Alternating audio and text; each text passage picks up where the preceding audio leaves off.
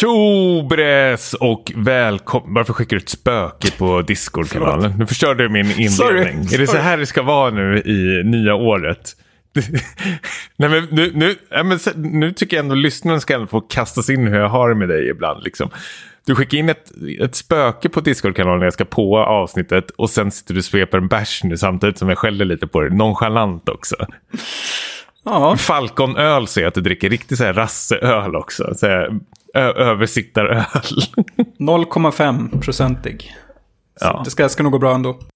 jag såg en sak för några minuter sedan som gjorde mig så otroligt ehm, glad faktiskt. Jag har aldrig, ehm, alltså mitt, mitt leende vart nästan sån där joker-leendet. Alltså det åkte upp, vad brukar man säga, att smilgroparna åker upp nästan i öronen.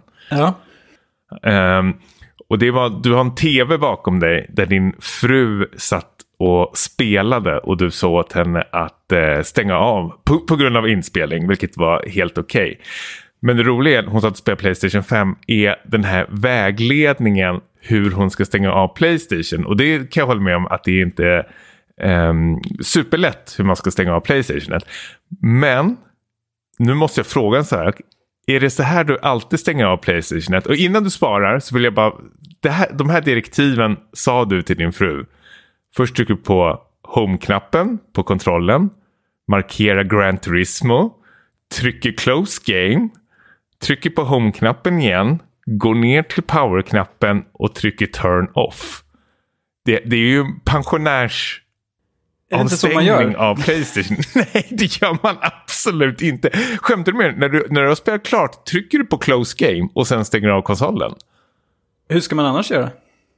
Men du stänger ju bara av konsolen. Du håller in den här home-knappen så kommer du direkt till power-grejen och trycker bara turn off. Eller rest mode. Allting stängs ju av automatiskt. Om du stänger av konsolen så stänger du av spelet. Okej. Det ser man. Alltså, har du gjort så här hela livet? Trycker du på close game? ja, det har jag gjort. Det här är så sjukt. Jag blir så otroligt glad när jag hör det här. Att du... det, det, vi ska ju säga också, du fyller ju 40 så det här rimmar ju väldigt mycket. Alltså det, det, det är ju en pensionärs... Eh, grej. Det här är sånt där som jag skulle bli smått irriterad på mina föräldrar när de gör det. Men när jag gör det så då är det ändå charmigt, eller? Ja, men det blir lite, eller det säger väl skvallrar kanske rätt så mycket om, eh, om eh, oss, att vi börjar komma i, i den åldern nu, eh, du och jag. Jag har till exempel en eh, kollega på jobbet som är 21-22 år gammal. Som alltså, knuffade undan mig från datorn och skulle visa hur man gjorde. Det var någon genväg och då kände jag mig väldigt, väldigt, väldigt gammal. Det, det, det är fan det värsta tecknet. Jag har ingenting emot att bli gammal, men det är när man, den yngre generationen eh, börjar springa i kappen. Då är det inte kul längre känner man. Men här, det, det känns väldigt skönt att se hur du stängde av ditt Playstation. Att du stänger av spelet först och sen stänger av konsolen.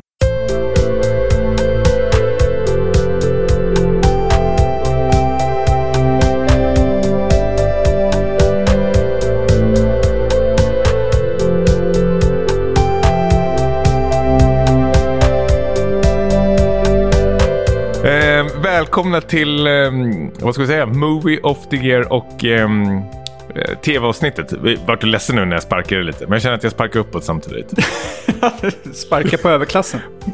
ja, precis. Men, men vi, har, vi har fått så otroligt mycket beröm senaste tiden att, ehm, med det här eh, smågnabbet vi har. Ehm, så jag, jag, jag, jag, jag, jag, jag klappar lyssnarna medhårs nu eh, samtidigt. Eh, jag måste ändå säga, det, ett år har gått nu sedan vi började med det här nya eh, formatet, du och jag Niklas. Eh, det har varit ett jävla kanonår måste jag säga för eh, podcasten. Alltså både lyssnarmässigt och så här, integrationsmässigt och innehållsmässigt faktiskt. Eh, jag räknar att vi har släppt lite strax över 26-27 avsnitt på ett år. Eh, jag tror till och med 28. Ehm, och det är ju mer än vad vi hade räknat med till och med.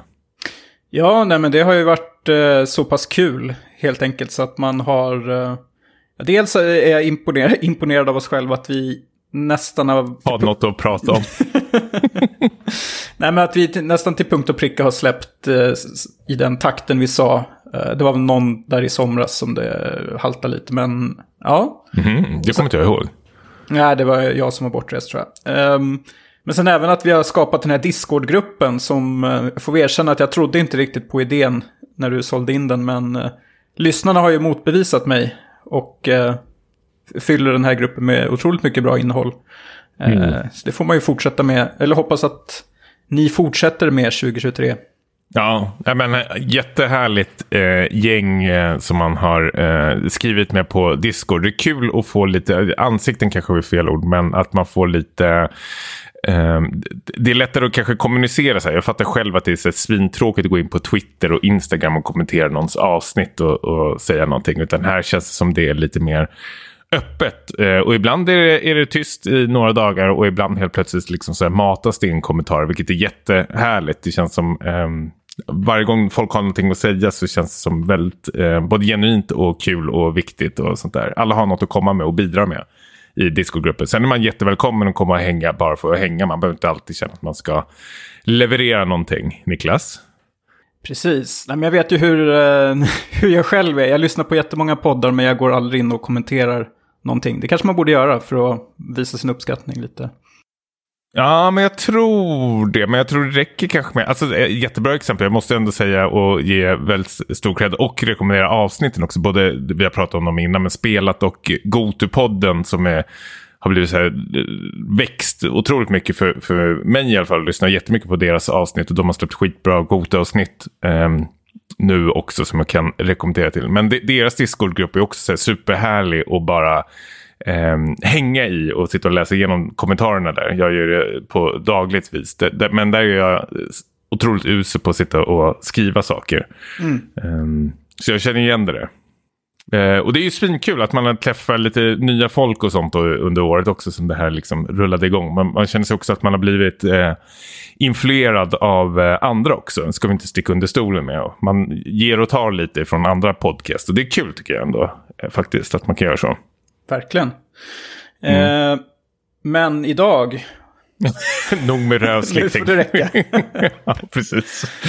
Eh, ja, men i, idag ska vi ju faktiskt utse våra favoriter från tv-serie och filmåret. Eh, mm. Och det blir lite annorlunda från eh, Goti-avsnittet eh, i att vi den här gången slår inte ihop någon gemensam eh, lista. Det skulle inte funka, tror vi. Eh, så vi, vi kommer att Ja, vi får se, men det kanske är roligare kanske att presentera. Jag vet inte varför vi tyckte, jag kommer inte ihåg vad motiveringen var att vi ville ha enskild här. Men det fanns säkert någon tanke när vi hade några ja. bärs i kroppen. Ja, nu har vi glömt bort vad det var. Men ja. nu har vi bestämt så här i alla fall att... Lagt ligger. Lagt ligger. Vi kommer börja med tv-serier och presentera. Jag presenterar min femma, du din femma. Och mm. jag min fyra. Och så fortsätter sådär. Um, så får vi se om det överlappar någonting eller om det är helt olika serier och filmer. Mm. Eh, så kanske vi kan utse någon form av eh, vinnare, gemensam mm. vinnare om det passar sig. Men ska vi prata bara lite om serie och filmåret eh, på det stora hela, liksom hur det har varit personligen? Hur har, hur har det varit mm. för dig? Eh, jag, jag har suttit och lyssnat på andra podcasts och följt vissa recensenter på Twitter som har varit så här antagligen ljumna eller lite smått besvikna över både serie och filmåret. Men jag skulle nog säga tvärtom att jag har haft otroligt härligt eh, filmår faktiskt.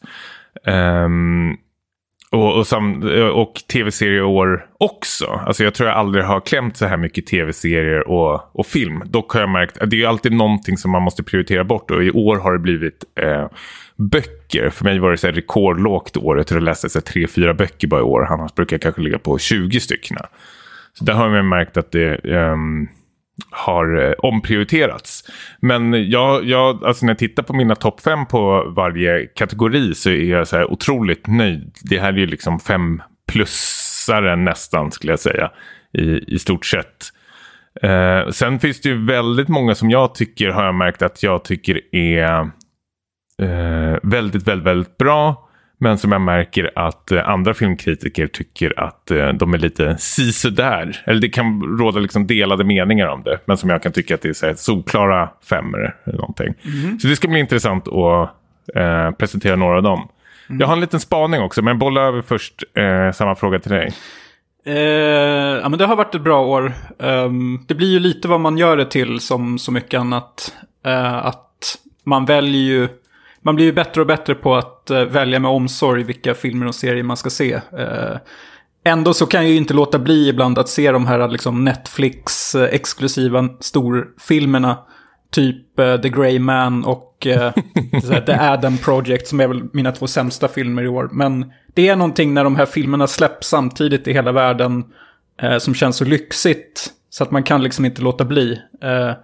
Men om det är någonting som jag ska ändra på nästa, till nästa år så är det att inte se dem. För det är, lägga lägger tiden på mycket bättre saker. Um, men... Ja, alltså både ja och nej. Jag tycker det är väldigt kul om man har en eh, resa tillsammans och gör det. Alltså det är väldigt trist att eh, kanske sitta och göra det själv. The Greyman såg ju du och jag ihop. Um, och den är ju otroligt usel, kan jag hålla med. Men man kan ju samtidigt sitta och skratta åt det tillsammans. Så jävla usel den är. Att man har varit med om samma liksom, tragedi. eh, och det, det höjer eh, lite ändå. Istället för att sitta själv och ha varit med om något väldigt, väldigt tråkigt. Sen har man ingen att prata med. Det är liksom... Ja, det... det... kan svänga åt andra hållet också om man har sett en väldigt, väldigt bra film eh, faktiskt. Men så är det ingen annan runt omkring som sett den. Då blir det nästan eh, obehagligt eh, jobbigt på det sättet. Liksom. Att man inte kan prata av sig. Ja, jag förstår vad du menar. Um, fi filmmässigt så såg jag ju färre filmer i år än jag tror de tre föregående åren. Uh, pandemin frigjorde en hel del tid där på den. Uh, på den fronten. Men det har ändå varit kvalitet över kvantitet på något sätt eh, för, mm. för min del. Så jag är väldigt nöjd med de filmerna jag har valt ut. Fick du någon rolig eh, Wrapped i eh, Letterbox då? Vi använder ju Letterbox ska vi säga. Eh, där man också kan följa oss. Det kan man göra. Um, jag såg 135 filmer. Um, oj, jag såg 138. Det var oj, verkligen oj, oj. jämnt skägg där. Ja. Uh, bra jobbat. Eh, sen är det så här, om man, har, om man har lite sådana här projekt för sig. Jag har ju haft tidigare år har jag haft så här James Bond och Alfred Hitchcock. Då förstör ju det statistiken för att det är liksom mest, mest sedda regissör är bara, och ja. crewet är bara liksom från de filmerna. Så i år... Fast det tycker jag inte gör någonting. Nej, det, det egentligen. speglar ju för sig ringer, år. Du, precis, det, det, liksom, ringer in liksom ändå ditt år vad du haft för dig. Jag har samma sak här, men börja du då. Men ska, ska vi bara gissa, du får gissa här nu vilken, vilka filmer det är jag har sett, men mest, eh, mest sedda skådespelare, eh, eller skådespelerska, det är Courtney Cox. Courtney Cox? Ja. Okej, okay, för du har sett Scream-filmerna? Ja, jag har sett dem allihopa. Okej, okej, okej. Och mest sedda regissör var ju då förstås... Wes Craven. Wes Craven. Uh, okej, okay. coolt. Jag har inte alls eh, lika uppenbart faktiskt. Mm -hmm. eh, jag hade Martin Starr och Jim Cunning som eh, skådespelare. Martin Starr är han från eh, oh, Silicon Valley, den här långa, långhåriga snubben. Och han har ju mest bara gjort här, jag visste inte ens att jag varit lika förvånad som dig ser nu. Men han har ju mest haft massor med biroller, massor med skitfilmer som jag har sett. Så bland annat Samaritan och Spiderman, eh, No Way Home och This is the End som jag såg om och sånt där. Det är han, han som var journalisten i Samaritan. Ja, precis. Ja. Eh, men Jim Cumming var ju också lika, äh, lika förvånad. Men eh, men där så, såg jag ju förstås The Beta Test och the Road. Men sen var det tydligen han med, det hade jag glömt bort, med The Block Island Sound och Halloween Kills. Jag vet mm. inte vem han var i Halloween Kills. Det missade jag helt. Han är en av poliserna i den där Flashbacken. Polisen i Flashback. Ja, var ju duktigt av det. Poindexter. Mm -hmm. uh... Och regissör, det var lite så här... Eh, inte ett projekt, men man var lite sugen på att se vad han hade gjort innan. För han släppte ju två filmer i år. Nej. High West. Ja, ah, just det. Eh, som släppte X och Pearl i år. Och då såg jag även The House of the Devil som var hans eh, genombrottsfilm. Då, då. Ja, har du några projekt för det här året, 2023 då? Eller är det oskrivet blad? Nej, inte nu. Alltså jag har ju varit lite, alltså för, för det första har ju Simor öppnat någonting som heter Britbox. Och det är ju massor med brittiska kriminaler som jag är sugen på att jag, jag har ju haft det här hatet mot brittiska serier och sånt där. Men nu börjar jag liksom krypa till korset och börjar kanske tänka att ah, man kanske ska titta på dem i alla fall. Um, men sen tänkte jag... Jag har varit väldigt Jag har inte sett till exempel... Um, oh, de här Catching Fire, uh, vad fan heter de? Uh, Hunger Games. Hunger Games-filmerna har inte jag sett. Jaha. Uh, jag bläddrade lite på Viaplay häromdagen och såg att det finns många sådana där collections som jag skulle vilja se. Uh, och bland annat den uh, var väl det. Ehm, jag har några Godzilla-filmer som jag fortfarande inte har sett. De är inte så superlätta på att få tag på. nu släppte de ju bara eh, Shin... Eh, oh, 2H Media släppte ju den här nya Uh, Ultraman, Shin Ultraman som mm. jag såg mhm. häromdagen. Mm. Um, otroligt uh, tuff, vi som gillade Shin Godzilla kan jag verkligen rekommendera. Men um, nej, inte vad jag kan komma på på rak arm. Bra fråga, den var jag inte förberedd på faktiskt. Det, det, är mest kanske ta igen uh, lite filmer. Själv då? Medan jag tänker. men jag har ju haft senaste åren en sån här list of shame på Letterbox. Mm. Där jag har plockat kanske 20-25 filmer genom åren då som jag aldrig har sett men som jag alltid velat se. Eh, mm. men den... Vad kan det vara som exempel då? Eh, ja men på den, eh, den som jag har nu, det är Perfect Blue, är med på den till exempel. Mm. Men sen är det också liksom såna här skitfilmer antar jag som typ The Burbs med Tom Hanks. och, jag vet inte vad det är ens. Det du, har, du, du har garanterat sett posten. Han står typ i en uh, morgonrock i något så här uh, grannskap med en... Uh... Ja, men den har jag sett för jättelänge sedan. Den är jättegammal så här från början, slutet av 80-talet, början 90-talet kanske. Slutet av 80-talet, ja. Vad heter den på svenska? Typ en djävuls granne, en djävul till grannen? Ja, exakt. Precis. Ja. Ja, men den, den har jag sett. Den är bra. Du har gett den en tvåa, ser jag. Det var jättelänge sedan. Jag kommer ihåg att mina kusiner hade den. Det är en sån där VHS-film som jag sett. Den, den kanske jag måste... Eh, ja, den har inte jag sett sedan jag var jättelänge. Den måste jag bara gått på en jävla minne på så att betyg. Ja, ja men precis. Mm. Men många av de här är ju så här gamla... Man har sett dem i videobutiken, omslagen typ. Och så här, det här vill jag se någon gång. Och så har det aldrig blivit av. Och så tänker jag, nu är det dags. Men det är ju inga klassiker på, på, på det sättet, eh, flera av dem. Mm. Eh, men ja, men börja följa oss på Letterboxd om ni är intresserade av sånt här. Vi, vi kan... Ja, jag vet inte hur man gör det lättast att hitta oss där. Men det kanske är att vi, vi kan väl lägga upp länkar till våra eh, Letterboxd-användare på eh, Discord-kanalen. Det kan vi göra. Ja, så kan vi länka dem också i eh, Twitter också. Alla kanske inte vill gå in på den där jävla piss-discord. Tänkte jag säga, men det sa jag inte. ja. Um, innan vi börjar, för, eh, du får välja en serie och en film som du känner att det här missade jag i år? Eh, oj, oj, oj. Ja, alltså serie så ville jag se Andor. Star Wars-serien som ja, fick så bra kritik. Eh, mm. Men nu har det gått ett tag och nu vet jag ju att det kommer en andra säsong också som jag tror är den sista. Det var liksom tänkt från början att det skulle vara två säsonger. Så nu tror jag mm. nästan att jag väntar tills den kommer, Andor säsong två. Eh, och ser allt då istället. Eh, filmmässigt, ja, jag, hade velat se Triangle of Sadness. Eh, Ruben Östlunds eh, mm. senaste. Ja, filmmässigt så är det ju eh, favoritregissören Park Chan-wook, eh, Decision to Leave. Eh, känns verkligen, alltså nästan alla jag följer har ju liksom fullpottat den filmen. Och tv-serier så är det väldigt, väldigt synd att jag har, eh, jag har nästan glömt bort den helt. Eh, jag kommer tänka på den här om dagen och tänkte varför har jag inte tittat på det här, men nu är det för sent. Eh, och det är Riket säsong 3.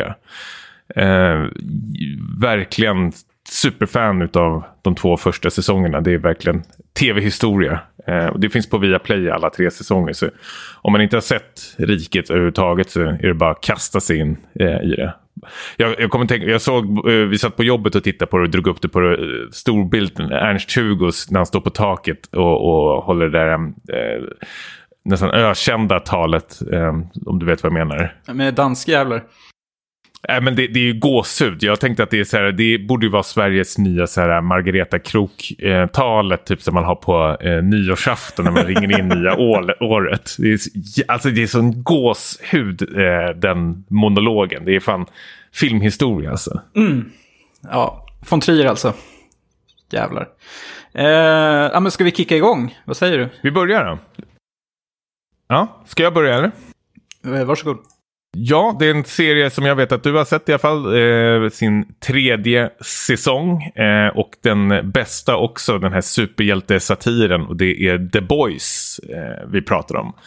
Ehm, jag tycker nästan den här serien bara växer och växer. Ehm, Ja, om man inte har sett The Boys är det väl de här, eh, jag tror alla känner till vad The Boys är, men det är de här korrupta eh, superhjältarna som blir nästan så här glorifierade i hela världen då. Och då finns det de här eh, motståndargänget då som försöker sätta dit den här korruptionen. Och den är ju väldigt så här eh, over the top eh, hela tiden. Eh, och den skruvar ju upp eh, liksom både the stakes och liksom den här svarta råa humorn som finns genomsyrar den här serien i säsong tre tycker jag.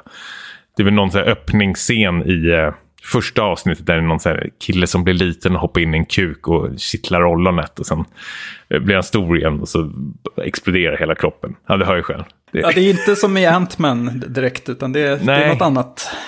Eh, jag var ju väldigt emot The Boys i början. Eller man blir så här, den här, alltså lika trött som man är på Marvel-universumet så är man lika trött på de här superhjälte-satiren. Eh, men jag tycker ändå The Boys eh, lyckas eh, ändå stå på eh, sina egna ben ändå och göra något eget. Fast det är även sådana här eh, sköna blinkningar till både Marvel och DC. Mm. Eh, och annat också. Det är väl, eh, den tar upp lite eh, samhällskritik och på ett roligt och mörkt sätt som metoo och eh, allting. Ja, jag har faktiskt inte sett tredje säsongen av någon är anledning. Är det sant? Ja, det blev Oj. inte av. Så det måste jag ju göra. Um, jag tror det var du som till och med tjatade på mig att börja titta på The Boys. Ja. Um, Konstigt. Det jag minns från tidigare uh, avsnitt från Späcket. Ja, Ja, men nu kommer ju fjärde säsongen väl i år. Mm. Så det är ju bara att hoppa på tåget igen. Eh, det ska mm. göras. Ja, men det är en uh, höjda serie här hemma faktiskt. Både jag och min fru uh, sitter som liksom, fastklistrade uh, i de här avsnitten. Mm. Mm. Uh, ja, men min femma uh, satt vi ju klistrade båda två, du och jag, några veckor där i somras, tror jag det var. när ko komikern Sigge Eklund trodde att han var eh, psykiatriker, vilket var lite roligt. Eh, för det var ju då Nathan Fielders nya show The Rehearsal. Eh, första avsnittet är ju redan legendariskt, tycker jag, när han ska liksom coacha typ den här eh, quizmedlemmen som, som har ljugit för sina quizkompisar i alla dessa år att han har en masters degree som han inte har. Eh, och så ska de repetera alla möjliga scenarion i hur det här ska eh, hur det här ska avslöjas då och vad som kan hända. Eh, och det var ju mm. helt otroligt när de byggde upp den här lilla liksom, baren och skulle testa allting. Väldigt bisarrt. Sen eh, utvecklades ju det här till någonting helt annat i de kommande avsnitten och det blev väl mycket diskussioner kring just det här med eh, barnskådespelare i hur liksom eh, etiken där kring, kring, att använda sig av sådana i filmer och eh, eh, tv-serier. Han lyfte en intressant poäng där och gjorde väl sig lite skyldig till eh, tveksamheter också. Men det var väldigt mm. intressant att prata om eh, efteråt, tyckte jag.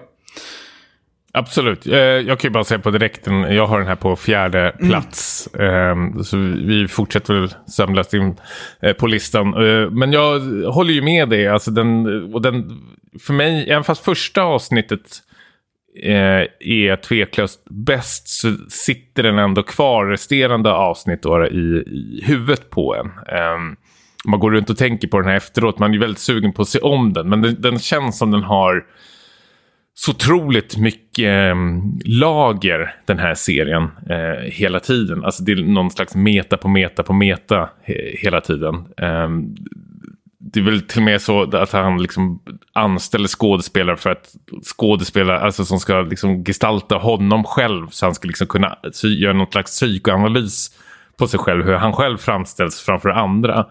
Um, och det, alltså det som är så härligt med The Rehearsal är att den den är så otroligt uppfriskande och, och oförutsägbar. Um, faktiskt. Uh, men han är, han är ett geni. Vi mm. får se vad som händer uh, nästa år. Han har ju The Rehearsal har ju förnyats, men sen har han ju även någon annan serie med Emma Thompson. Jag vet inte riktigt vad det ska bli, men... En av Safety-bröderna ska, ska vara med där också, va? Är inte det någon så här... Det lät som det var en sitcom, men det är det ju inte. Men... jag vet inte, men jag, jag litar på honom. Ja, ja, ja ehm, Jag är supersugen. Samma här. Ehm, så vi, vi hoppar på din fyra på direkt. Ja, det blev så. Uh, ja, men det här var ju då en uh, Apple-serie som fick mycket hype uh, i våras. om att blanda det privata med yrkeslivet och problematiken med, med det.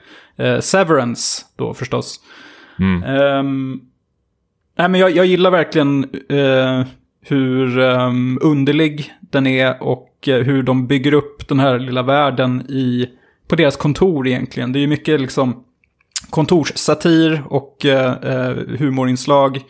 Uh, men också ett spännande mysterium, tycker jag. Um, det enda som är lite oroväckande är att det är en uppföljning, alltså det slutar med en cliffhanger och det planeras väl fler säsonger eftersom det blev en sån succé. Och det vet man ju inte riktigt vad det kommer landa i. Så därför... Nej, säsong två ska ju komma nästa år. Eller nästa år, det här året då, 2023. Ja, men precis. Um... Um, men det kan ju fortsätta ytterligare. För jag vet att uh, jag läste någon intervju med manusförfattaren som jag glömt namnet på. Att han ville nog egentligen uh, sluta liksom så här, knyta ihop alla trådarna uh, i slutet mm. av den här säsongen. Men Ben Stiller sa nej. Ben Stiller sa nej, det här ska vi liksom spinna vidare på. Han ser ju att det finns en kassako här. Uppenbarligen. Ja, jag har ju också sett den här. Är, den är bra, men jag är inte kanske lika imponerad. Jag har varit irriterad eh, mot slutet vet jag, då, då det varit lite eh, nästan för tydliga och otydliga liksom, förklaringar till allting. Att allting skulle klaffa så mycket. Sen bara, sprang de inte egentligen i slow motion mot kameran och sen bara vart det svart. Det var lite så ja, jag vet inte. Jag, jag, jag, hade, jag, hade, jag fick någon um, känsla att det skulle vara lite mer Charlie Kaufman eh, skruvat eh, på det. Men det är absolut en intressant serie. Eh, har många roliga eh, twist and turns faktiskt. Mm. Men det kanske är mer din årets eh, överskattade, låter det som. Eller årets besvikelse. Om en besvikelse skulle... är det inte, men överskattade kanske jag nog skulle säga. Jag, mm. jag skulle nog hellre vilja se den här som en miniserie, mer kompakt. Faktiskt. Um, och inte lika skriven på näsan som man blir sen. Mm, kul att se Christopher Walken. Ja, det var roligt. Han kommer ju i Dune 2 i, i år. Det blir spännande. Just det. Som den här kejsaren. Eh, mm. Det blir häftigt. Eh, ja, men... Ska jag ta trean då? Ja, men ta trean. Ja, ytterligare en serie vi har pratat om eh, som... Eh, ja, men var, var otroligt... Vad säger man? Stressande eh, emellanåt. Och då vet du ju direkt eh, vad det rör sig om. Det är ju The Bear på... Mm. Eh, ja, men som vi såg på Disney Plus nu i höstas. Och den... Eh,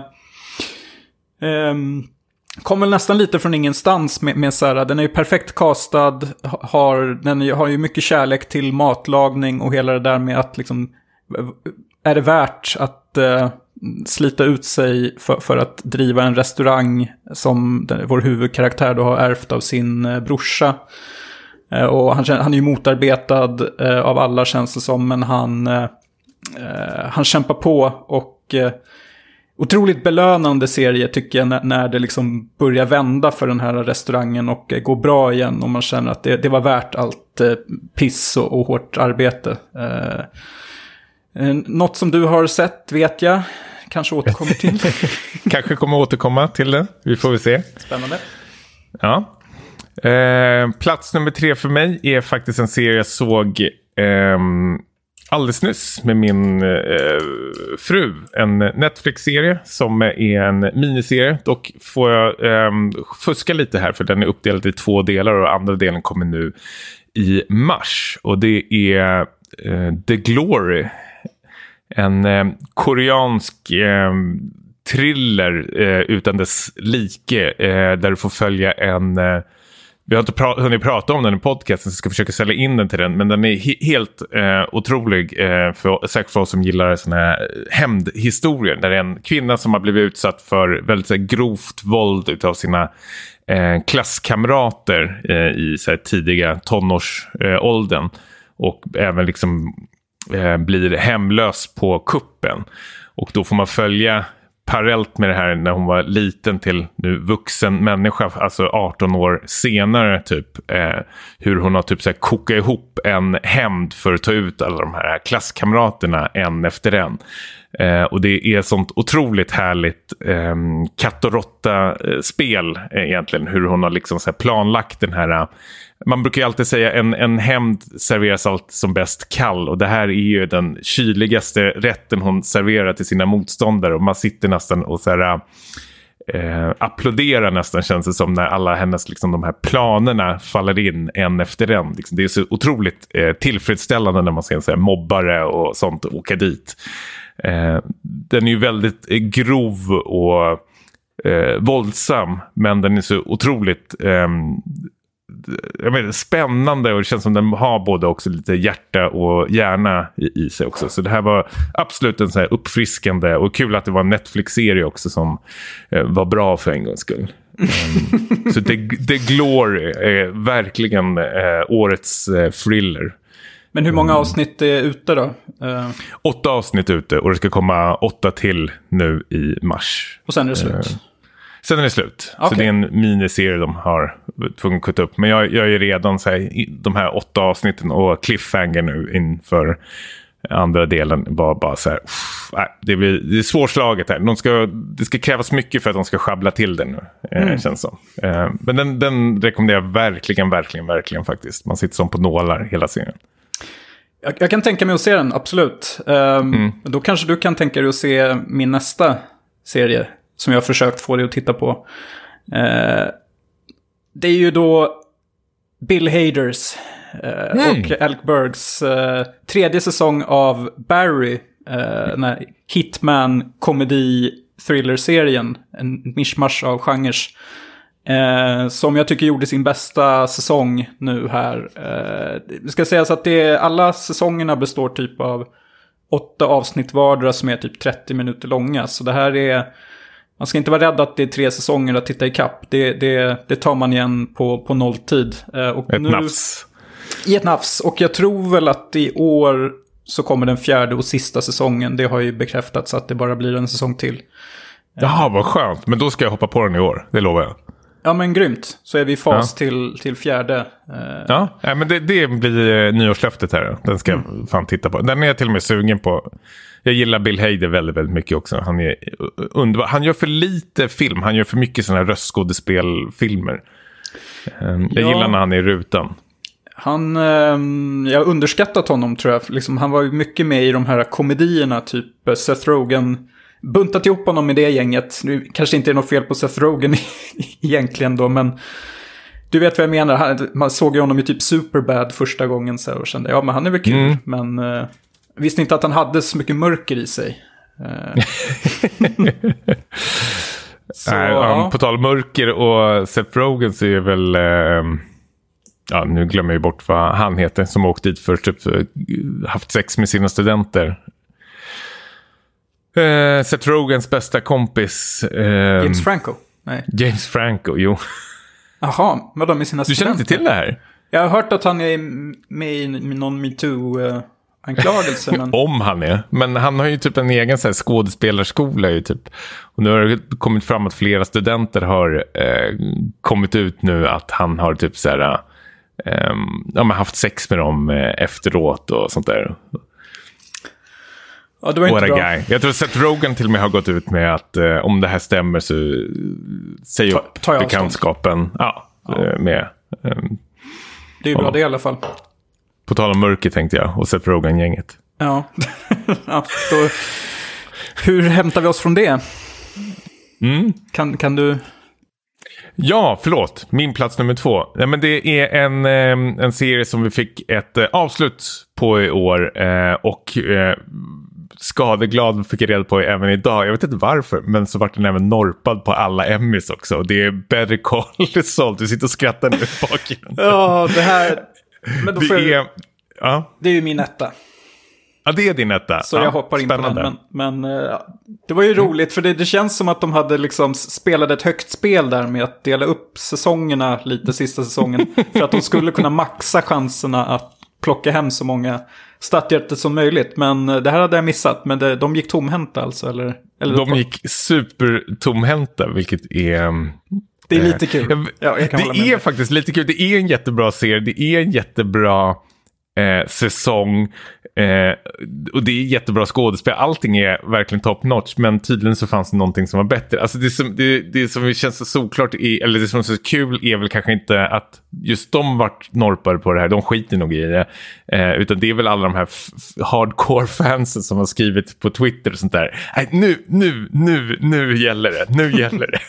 nu är det sista. Det, är- det, det är självklart att Ja. de får hem allting. Men... ehm, Tji fick Ja. dem. Jag, jag kommer ihåg att jag dem. störde mig en hel del på Better Call Saul-fansen på TV-time när vi ko- kollade, kollade om på alla, eller kollade igenom allting. Eh, Vad var det då? då? somras.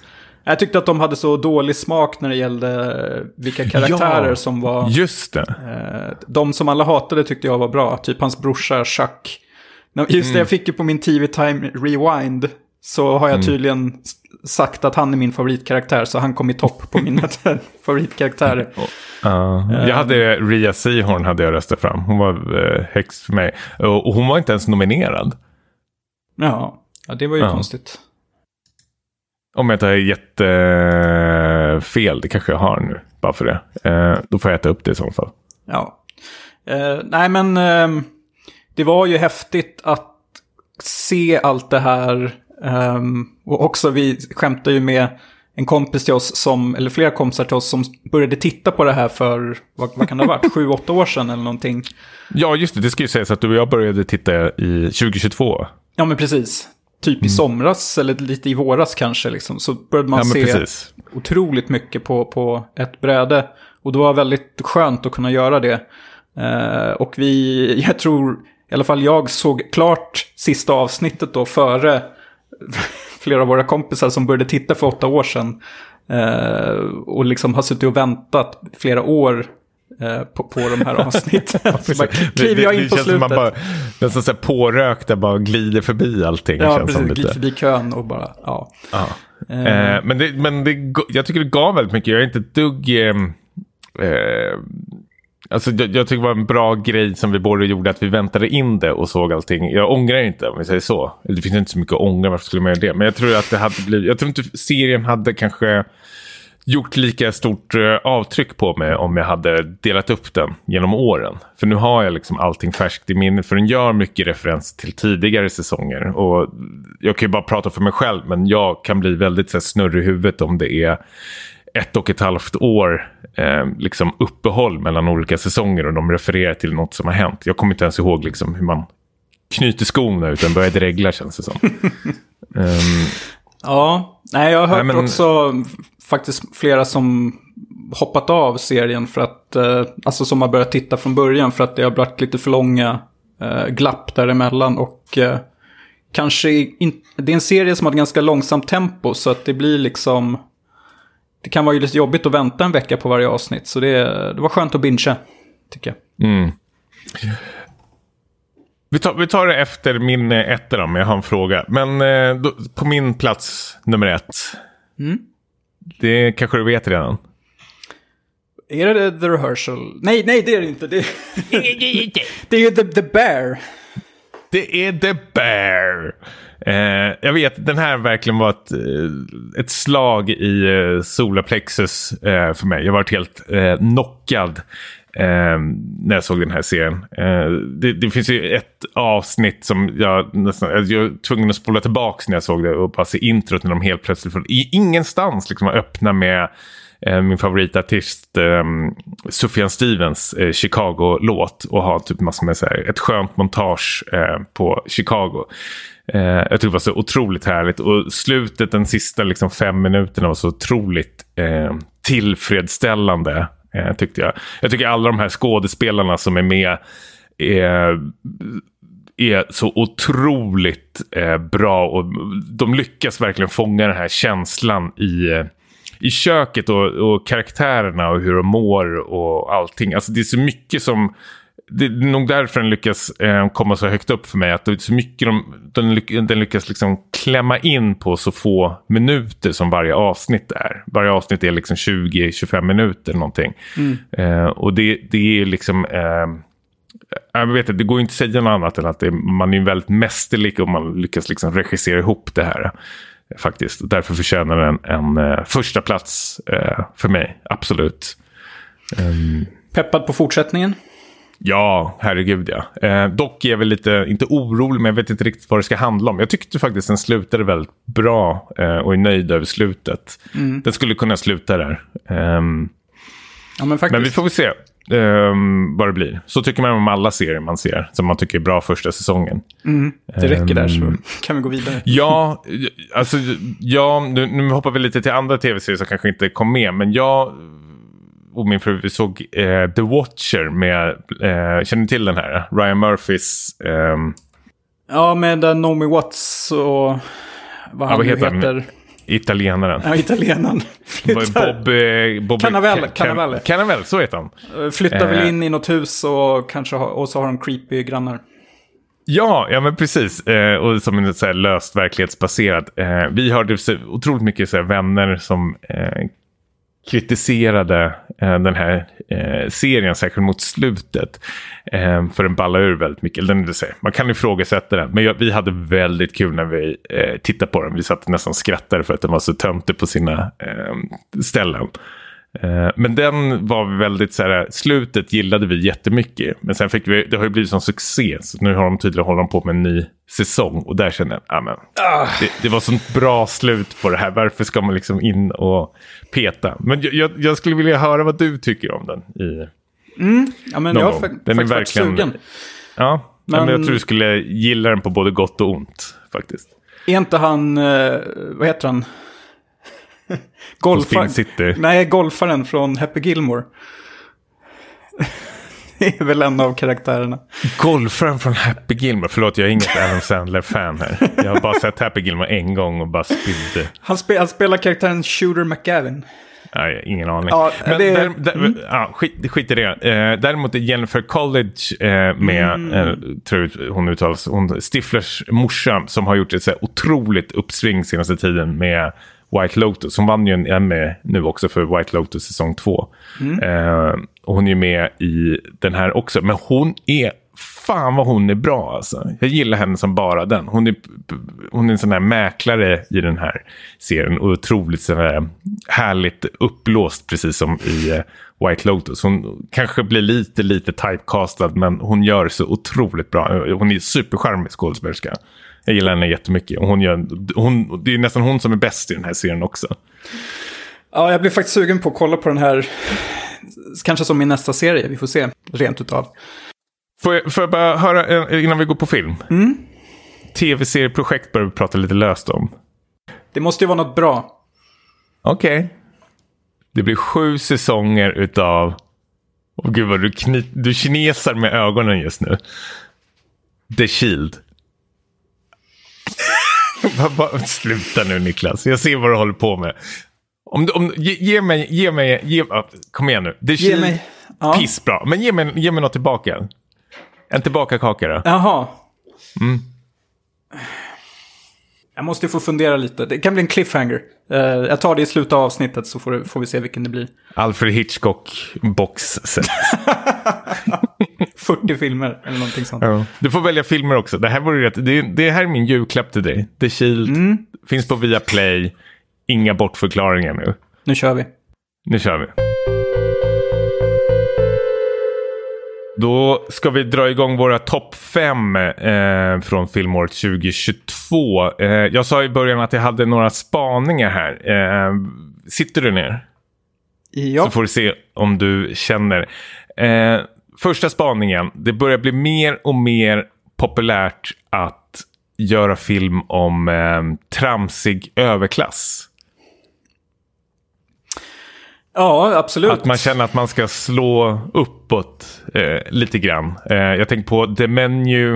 Eh, vi har eh, Triangle of Sadness. Ehm, ja, det var den spaningen jag tänkte säga. Jag hade Det- fler i, i lager kände jag. Men, ehm, Men White Lotus då, om de ska fylla på med tv-serier? White Lotus, tack.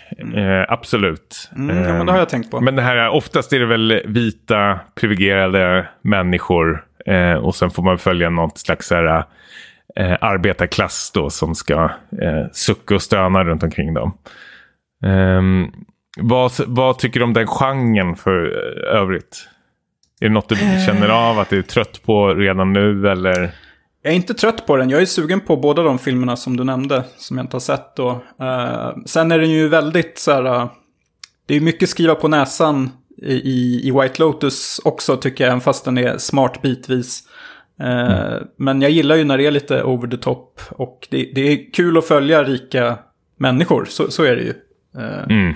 Så jag, jag är inte mätt, jag kan se mer av det. Nej, men jag håller med faktiskt. Eh, måste jag säga. Jag, jag tycker att det är överklass-satir är väldigt kul. Och det handlar väl kanske inte mer eh, att det behöver betyda att man eh, ska hålla på och slå uppåt hela tiden. Men det finns någonting att man tar sig in i något slags här, ett, ett rum, ett, eh, en, någon slags elitism också. Just det, vi hade väl Glass Onion var väl eh, också kan man säga nästan eh, samma sak där. Um, men jag gillar det faktiskt. Av de tre filmerna vi nämnde och eh, serien så är det ju otroligt bra. Jag, jag ser faktiskt fram emot det. Vår eh, otroliga härliga vän som skriver jättebra recensioner eh, Carl Sandell eh, skrev en så otroligt rolig recension på The Menu vet jag som jag läste. Han, jag tror han toksågar den, att han är trött på den här typen av eh, film. Eh, jag måste bara, fan, vi måste nästan på hans jävla eh, letterbox-konto. Jag vet inte vad han heter. Carl Sandell kanske bara. Eh, Apan Karl tror jag han heter. Eh, In och följ honom, verkligen så jättebra eh, recensent som skriver roliga och eh, sylvassa kan det vara ibland. Alltså, till och med att jag måste kisa med ögonen ibland starkt till och med för dig. Då är det... Ja, det är starkt ibland kan det vara för mig.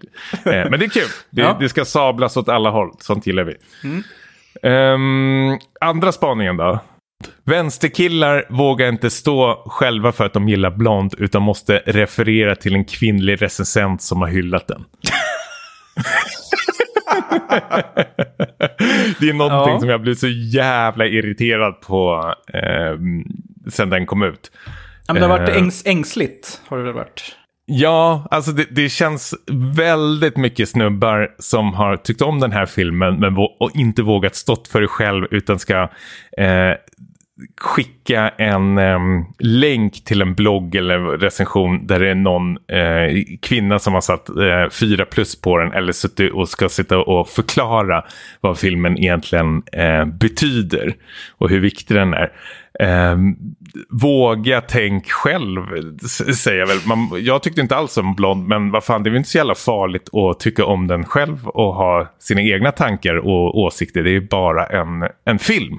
Man får tycka illa om den, man får eh, tycka den är hur bra som helst. Men det, det kändes som att många som jag följde skulle, vågade inte liksom uttrycka det själv utan skulle hela tiden liksom ta eh, rygg på någon kvinnlig filmrecensent som hade hyllat den. Eh, och det kände jag var, jag vet inte, det, det är exakt samma sak som att använda sin- sina barn som vapen i argument nästan. Det Mm. jag, det var, Ja, nej, jag, eh, jag håller med. Det, man, men men man, var, man var lite liksom trött på hela den diskussionen innan man hade sett filmen. Eh, absolut. Och jag satte väl ett ganska bra betyg, men eh, redan liksom några dagar efteråt så började jag liksom... Det började surna. Eh, Mm. Men vi kände sen som vi som tyckte ändå den var, jag tyckte absolut inte den var dålig, men om vi säger att den var kanske medioker. Eh, lämnade den filmen och gick vidare med livet. Medan det känns som vissa som hade satt väldigt högt på den skulle liksom vifta för liksom liv och lämn, eh, kände det som. Av någon jättekonstig anledning. Som om att, att, att det vore nästan farligt att tycka om den här filmen. För då skulle man kanske eh, tolka som att man uppmuntrar till våldtäkt eller någonting sådär. Alltså jag fick någon sån här jättekonstig känsla av det. ja, jo men det, det, det var något skevt där. Mycket Ja. pre prestige också, typ när man har satt ett högt betyg. Att, eh, måste man ju försvara det på, på, nå- på något sätt om, om man... eh, Ja men då kan man fan försvara utpekad. själv med sina egna jävla ord. ja, jag, abs- absolut, absolut. Ja. Ja. Det det årets två spaningar. Eller har du ja, fler? precis. Plats nummer ett, blond. Här är en länk till en Ja, blogg. ja, precis. här är en länk till Cissi Wallin som recenserar. I Martin Timells tunna. Hallå! Nu kör vi. Nu kör vi. Eh, börja du då med plats nummer fem. Plats nummer fem i år. I'm Vengeance. Mm, Spiderman. No way home. Eh, No way home. eh, nej, men det här var ju då eh, Matt Reeves eh, som tog sig an eh, Batman, superhjälten eller vad man säger. Och eh, visar att det går att göra bra filmer i den här genren.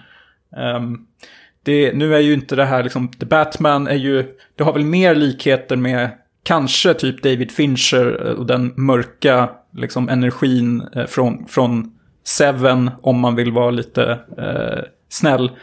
Um, men det är ju framförallt eh, imponerande att man liksom så här kan, man castar ju då Robert Pattinson som eh, i och för sig är väldigt creddig och eh, han gör väl kanske den bästa Batman hittills. Det är väl han och Michael Keaton som är... Absolut. Nej, men jag håller med. Mm. Men även bra liksom castat överlag och eh, man, man håller ihop det eh, och lyckas skapa ett så här spännande detektivmysterium. Eh, och filmen var väl något uppåt så här, tre timmar i den stilen. Den var pisslång. Och de höll ett sånt jävla bra... Eh, jag har inte med den här i topp 5 kan jag avslöja redan nu. Men jag tyckte väldigt, väldigt mycket om den. Den är ju där och nosar. Ehm, Det var mysigt absolut. att hänga i, i Gotham, kändes det som. Mm. Man blev sugen på all- mer. Ja, jag tyckte det var skönt att de inte försökte eh, apa efter för mycket på både eh, Nolan och eh, Zack Snyder. Att det skulle vara så otroligt... Påkostad är den ju absolut, men att det skulle kanske vara... Det var inte lika mycket explosioner och action i den här, utan det kanske var lite mer eh, ja, men detektivarbete, eh, som sagt. Eh, jag tyckte väldigt bra om Paul Dano också, som eh, Riddle. Ehm, men jag har ingenting att klaga på i den här filmen. Eh, Otroligt härlig, eh, ja, vad ska man säga, fristående uppföljare eh, till andra Batman-filmer. Yes. Din femma. Min femma är, eh, efter jag hade sett första filmen så var väl kanske inte så eh, sugen på att se uppföljaren som är egentligen en prequel till eh, båda filmerna kom ut i år. Och det är Ty Wests Pearl. Som är, ja, som jag sa, en prequel till eh, storskräckisen X som också släpptes i år som varit jättehyllad. Eh, jag var, det, X är absolut ingen dålig film men jag tyckte väl att den kanske var lite överskattad och då tänkte jag också när Pearl-recensionerna började trilla in att den här ska jag inte gå på igen. Men eh, ack så fel jag hade. Det här är en otroligt snygg och eh, charmig liksom, thriller till eh, ja, men en prequel-uppföljare då till X där får välja eh, en av antagonisterna i X då, alltså liksom background eh, story. Men eh, Mia Goth är ju den här nya skådespelerskan. Eh, Suspiria har vi sett henne och hon ska vara med i den här nya Cronenberg, alltså sonen Brandon Cronenberg heter han kanske. Ja, eh, nya film. Eh, men hon är helt otrolig och liksom stjäl eh, showen i den här. Jag tror hon är med i varenda minut i den här filmen. Och slutscenen så håller hon en så här otroligt lång och obehaglig eh, monolog som är typ så här tio minuter känns det som. Eh, helt eh, otroligt eh, faktiskt. Eh, får bara gåshud, jag tänker på det. Är, är det så att eh, Pearl gör att X blir bättre? Jag har hört flera som har sagt det, att den... Ja, men det ska, jag, jag blev faktiskt mer nyfiken på att se om X nu i efterhand. Uh, så det, det, finns en, en poäng i det faktiskt, absolut. Mm. Um, För jag har den, sett... Den har... Mm? Jag, jag har sett X, men inte Pearl. Mm. Uh, jag är väldigt så här, nyfiken på vad en prequel till den filmen ska innehålla. Uh, det, det hintas väl om någonting där i slutet på, på X, att det är något som är lite off. Uh, ja, så jag är det är mest... Mm. Mm. Ja, men det är mest Mia Goths, eh, tror jag hon uttalar sig, jag kanske uttalar det jättefel nu, Goth, eh, skådespelarinsats. Hon, är, hon, är, om att, hon var jätteduktig i X tyckte jag också, men då var hon lite nedtonad. Här har de ju skurat upp henne till 11 som nästan den här, hon känns nästan som en karaktär som blandas mellan typ såhär Carrie och, alltså Carrie ifrån, ja filmen Carrie då. Um, och uh, jag tänker på väldigt mycket, så, lite grann det här Jack Nicholson i The Shining. Alltså att mm. man, man har de här inre demonerna man håller på och uh, kämpa med. Liksom. Man märker hur det bara e, e, ex eskalerar mer och mer desto längre in filmen går. Uh, den är ju inte så här, den är ju väldigt går på sina ställen men det är ju mest en så här horrordrama skulle jag mest säga. En tjej som vill liksom så här bryta loss eh, och blomma ut egentligen. Men hon har, på grund av vissa omständigheter så eh, kan hon inte det eh, riktigt. Ehm, eh, jag, jag, jag varit jätteöverraskad av den här, särskilt efter jag hade sett eh, X då, så vart jag väldigt så här, positivt överraskad. Så den, den, tycker jag absolut du ska se. Jag tror du gillar den jättemycket. Den är snygg som fan också, jättesnygg. Utspelar sig så här, tidigt 1900-tal i eh, USA. Och eh, trean kommer väl i år? Maxine? Ja, precis. Maxine som är... Den ska utspela sig på 80-talet. Um, ehm, du får följa Mia Goths karaktär från X då. Hon spelar ju flera olika karaktärer. Um, som porrskådis då, vad jag fattar som. Mm, just det. Mm. Spännande, spännande. Um, ja. Min fyra har vi faktiskt varit inne och snuddat vid. Uh, det är ju Park Chan-wooks Decision to Leave. Uh, som, aj, aj, aj. Mm, ja, men det här är väl hans... Uh, ja, Säg det... inte Magnum Opus nu, då blir jag tokig. Nej, det är det inte. Nej. Nej, den, den når väl inte upp till uh, Oldboy och uh, kanske ett par till. Men det, det är ju en noirfilm uh, där han påstår sig inte ha influerats av um, Hitchcocks Vertigo, men man tycker sig se en hel del där. Jag och uh, uh, nämnde Carl Sandell såg den här på Stockholm Filmfestival och då, den filmen vi tänkte på båda två efteråt var ju Basic Instinct. Paul Verhovens mm. snusk noir med Michael Douglas och Eh, Eh, Sharon Stone. Så, så snaskigt är det ju inte här. Det här är mer en, en väldigt vacker film i, som eh, tar avstamp i ett mord uppe i eh, de koreanska bergen. Eh, men mordet är väl inte liksom det viktiga här egentligen. Det är ett startskott, men sen så händer det ganska mycket annat. Där, som så ofta i noirfilmer, eh, en polis kärar ner sig i en fem fatal eh, figur. Du tänkte säga kärring. ja, um, vad ska man säga eh, om det? Nej men uh, typ det är, noirfilmer kan ju vara liksom, uh, det, jag, tror att man, jag tror att du kom, kommer kunna gilla den här också, även fast noir kanske inte är din favoritgenre, tycker jag mig ha snappat upp någon gång. Mm, nej, men det är en otroligt usel genre tycker jag. Ja. Eh, däremot är jag ju störtkär i eh, Park Chan-wook. Mm. Um, så. Ja, eh, Ryan Johnson gjorde väl en sån gammal noirfilm som heter Brick här för mig också som jag tycker är så jättetråkig. som blir ja. hyllad. Vet jag. Ja. ja. Men så neo-noir tycker jag är fan det värsta jävla film som finns nästan. Jag har några exempel på en sån. Ja, men Brick är väl, och så är ju den här, um, han som gjorde It Follows, den är förstås helt okej. Okay. Eh, Silver och med Jeff... Under the Silver Lake? Ja, tack. Med Garfield va? Ja, precis. Eh, otroligt. eh, Den är, den är bra. Den är inte, absolut inte dålig. Men den är så otroligt lång och långsam. Och sen i slutet så är det ett jaha. Ja, ja men eh, se den här i alla fall. Jag tror du kommer eh, uppskatta den. Om du gillar Park Chan-wook så kommer du ju gilla den. Det Ja, men törs jag den är ju störst på skämshögen. Kul. Ehm, då går jag på min fjärde plats och det är en eh, regissör som verkligen har bevisat nu eh, tredje gången gilt att han är uppe och spelar bland de eh, stora eh, spelarna och det är Jordan Peels Nope eh, som verkligen golvade mig eh, när jag såg den. Ehm, jag gick ju helt in blint, i blindo in i den här filmen eh, och visste ingenting. Och jag fick, det var en så här otrolig eh, härlig så här matiné ehm, upplevelse i någon slags jag vet inte, så här skräckvästen med så här, lyxigt Hoyten van Hoyten-foto.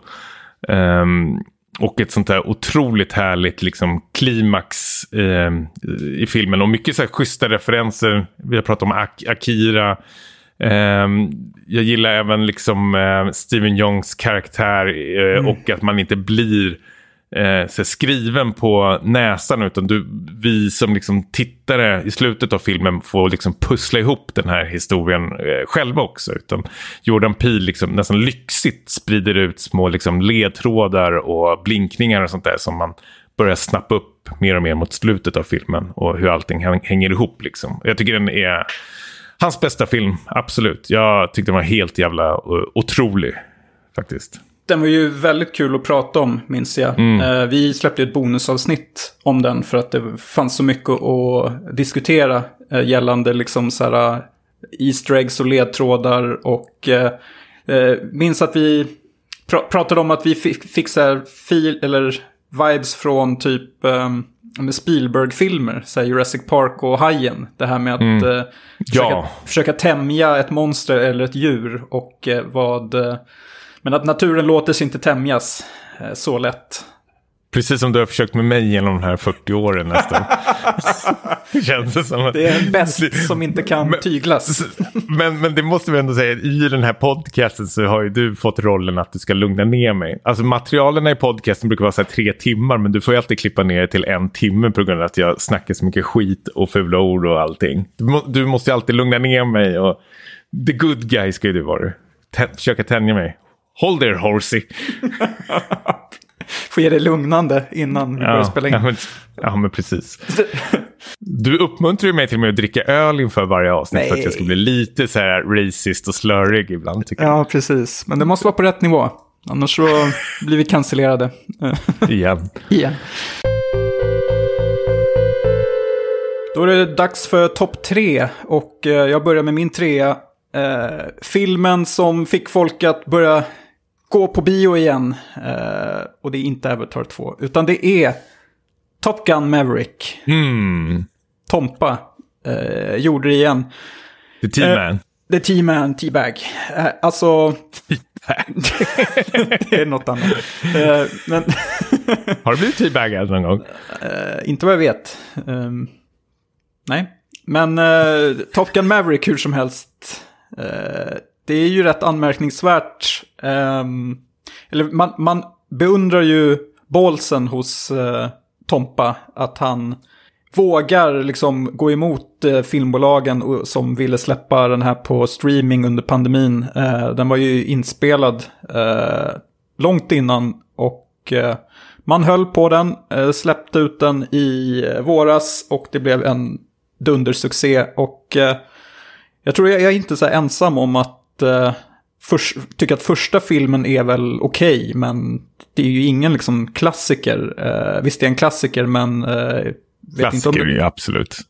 Ja, men, men precis. Men, Men den är usel. ja, den är inte så jättebra, kan vi inte påstå. Nej. Inget jag har några så här varma nostalgiska känslor för. Men här gör man ju allt från originalet fast mycket, mycket bättre. Eh, och jag tycker att man lyckades liksom få in Tom Cruise karaktär Maverick i handlingen på ett bra sätt. Eh, som en så här mentor åt de här nya piloterna eh, utan att det blev krystat. Och den var ju väldigt eh, publikfriande och, och, rolig och hade en väldigt så häftig eh, slutscen där i den där The Canyon i, i det där landet som man inte riktigt vet vad det var för något. Men jag håller med, det var en otroligt eh, bioupplevelse om inte annat. Eh, faktiskt. Eh, jag, tror, jag gick och såg den med min fru, hon satt liksom och hoppade i biosalongen. Så anledningen till varför den kanske inte nådde upp hela vägen för mig var kanske någon slags eh, svartsjuka som ägde rum i biosalongen. att jag inte ens är i närheten av lika ball som eh, Tompa och gänget. Um, mm. Men men, så kan det gå. Um, kan det gå. Den var ball tycker jag faktiskt. Uh, men jag är, vet jag, alltså både så ja, kontextmässigt så är den inte så jätterolig. jag tycker det roligaste i hela filmen är väl öppningen när han ska komma upp till 10G av någon dum anledning. Och sen Testa gränserna. fortsätter, ja, precis. Sen fortsätter den bara som vanligt. ja, ja men det, mm, det, det gav mig någon sorts hopp om framtiden, även fast det inte är något nyskapande på något sätt. Det, det är liksom 80-talet fast uh, här idag helt enkelt. Mm. Coolt, det var plats nummer tre. Mm.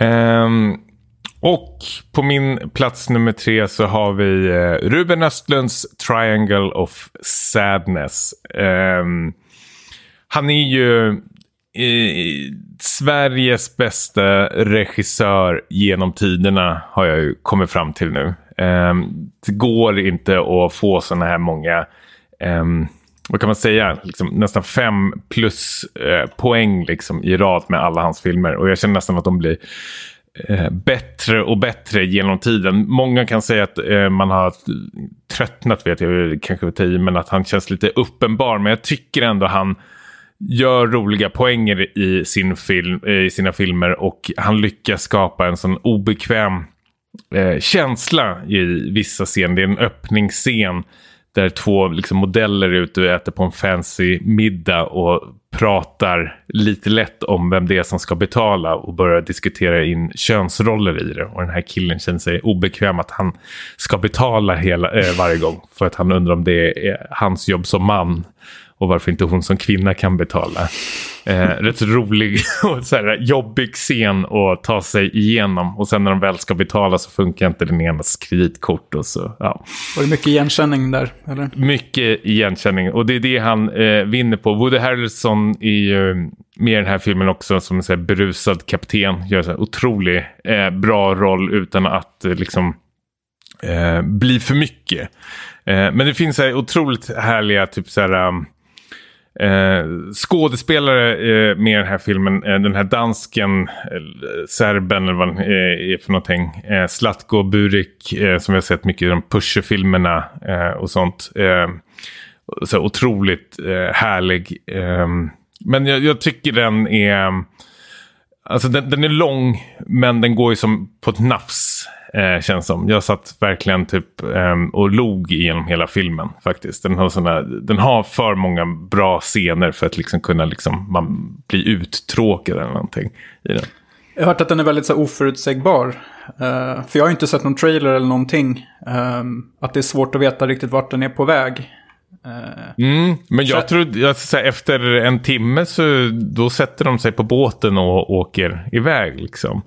Uh, jag tror det skulle utspela sig på båten i större delen av filmen. Men det är typ kanske en, en tredjedel utav filmen. Vi ska inte säga riktigt vad som händer mot eh, sista tredjedelen. Men de tar en ytterligare eh, vändning faktiskt. Eh, och sen gillade jag, jag kan inte bestämma mig om jag älskar slutet eller om jag tyckte det var lite för eh, enkelt och uppenbart. Men den, den, den rundar av i alla fall på ett eh, roligt och spännande sätt faktiskt. Men jag, jag, tycker han är ett geni, Ruben Östlund. Jag tycker eh, han lyckas fånga sådana här eh, härliga situationer eh, som känns liksom disk, diskbänksrealism-aktiga nästan. Fast på ett fingertoppkänsla i humor och så, den här leveransen av repliker mellan varandra. Och hur karaktären liksom beter sig i de här obekväma situationerna. Jag tycker det, det är mästerligt. Det är jättesvårt att göra det och få ut det i film. Som liksom man, man känner det själv som liksom åskådare att aj, aj, aj, aj, det här är... Och hur funkar Henrik Dorsin då? Ja, men han är bra faktiskt. Det är någon som jag skulle sitta och irritera mig på. Men han är... Det finns en eh, fem eh, plus-scen som jag inte alls vill eh, spoila. Men jag aldrig skrattat så mycket i hela mitt liv. Eh, det var en helt eh, otrolig scen, alltså så tragikomisk scen. Men den var, gjorde ont, men samtidigt kunde jag inte liksom eh, hålla mig för garv för att det var så brutalt eh, mm. obehagligt. Eh, faktiskt. Så mycket, det, ja. mm. det verkar vara humor blandas med allvar och eh, mm. chockscener. Ja, vi har jättemånga svenskar med också som gör sådana här roliga... Eh, cameos. Eh, cameos. Carolina Gynning är med. Eh, Läckberg, Schulman. Eh, för att nämna några. Nice. Ja, de, mm. Den vill jag se. Det, det är ett måste. Ja, nej, men jag älskade The Square och Turist. Och faktiskt inte sett de tidigare filmerna. De är lite svåra att få tag på, men uh, det måste man göra, helt klart. Mm. Då så, min tvåa. Uh, Everything, Everywhere, All at Once. Som uh, var ju en, en indiefilm egentligen. Med en så här ganska lagom budget som ändå eh, stack ut på ett helt otroligt sätt. Så att den liksom, den gick bra i början och den bara fortsatte och gå bra. Och det var fler och fler som upptäckte den här eh, genremixen med, som väl plockar lite inspo från typ The Matrix och eh, multiverse-filmer. Men lyckas verkligen eh, göra sin egen grej av det. Och eh, ja, det finns mycket, mycket att lyfta fram, men jag gillar ju att eh, en sån här film kan ha en ja, men så medelålders eh, kinesisk skådespelerska mm. som, eh, som huvudrollsinnehavare och, eh, och ändå liksom bli en kassasuccé. Att det, det ger mig också så hopp om framtiden. Att det är en film som inte har de här typiska karaktärerna och liksom även Jamie Lee Curtis i någon så här rolig biroll. Att de får liksom spela ut och vara roliga är ju helt underbart. Och sen även att de eh, återupplivar är lite så här taskigt, men två, två så här kult eller favoritskådisar från 80-talet eh, i form av eh, Ki Hu Kwan, alltså Short Round mm. från Indiana Jones och eh, James Hong som pappan i den här fa familjen då. Eh, som uh, ja, men är med i Blade Runner och Big Trouble in Little China. Uh, så den talar till mig på många olika plan. Uh, räckte inte riktigt till plats ett, men uh, ja. Mm, spännande vad som sitter och tänker på vad som ska hamna där. Men det vill jag inte. Okej, okay, ja. Mm. Coolers. Vad är din tvåa då? Du har ju stenkoll på mina tvåor känns. Jag, jag har en gissning. Ja, ja i alla fall. Um, på andra plats är en eh, regidebut som kom från ingenstans. En indiefilm som fick mig att eh, känna något som eh, jag inte har känt sedan jag såg eh, Lost in translation för första gången. Och det är filmen After Sun. Eh, Charlotte Wells. Eh, alltså det här är så indie eh, det kan bli eh, egentligen. Men Eh, vi har ju i eh, huvudrollen då, eh, ja nu glömmer jag bort vad han heter, Paul Mescal kanske han heter, den här mm. irländska, skotska eh, skådespelaren som är bland annat, eh, jag tänkte säga vuxna människor, nu tappar jag helt. Eh, Normal people. Normal people, så heter han. Eh, mm. Otroligt bra skådespelare, men som är en sån där ung pappa i eh, 30-årsåldern ish, eh, som tar med sig sin dotter som är typ eh, ja, men, nästan jämngammal känns som tänkte jag säga, men 12 år. eh, till en sån här resa i eh, Turkiet på någon slags eh, resortställe. det som är så härligt är att den utspelar sig under 90-talet eh, också här, vilket verkligen så här, genomsyras. Den här dottern eh, går ju runt med en sån här mini-DV-kamera och filmar. Så filmen klipps ju som vanlig, mellan som vanlig spelfilm och vissa så här, inklipp ifrån den här kameran då. Um, och här är ju en sån där film där du, precis som Nope då, där du inte får allting liksom skrivet på näsan. Vad de har för liksom tidigare relation och varför de har åkt på just den här resan. En sak är ju bara att han, eh, Paul kom ju dit, alltså pappan då, i bandage har han ju i början av filmen runt armen liksom. Och det är ju sådana saker man får liksom pussla ihop själv liksom vad han har för tidigare liv och vad han och dotter har för relation med varandra. Mm. Och hon, eh, Frankie Cario som hon heter, dottern, är också sån här helt otrolig. Det är sällsynt tycker jag med barnskådespelare som känns eh, helt jävla otroliga. Men den här ungen var ju jätte, jättebra var hon utan att bli så här jobbig eller irriterande. Samtidigt så här nyfiken på eh, vuxenvärlden. Men det som är så härligt också med den här filmen är ju den här resorten de är på.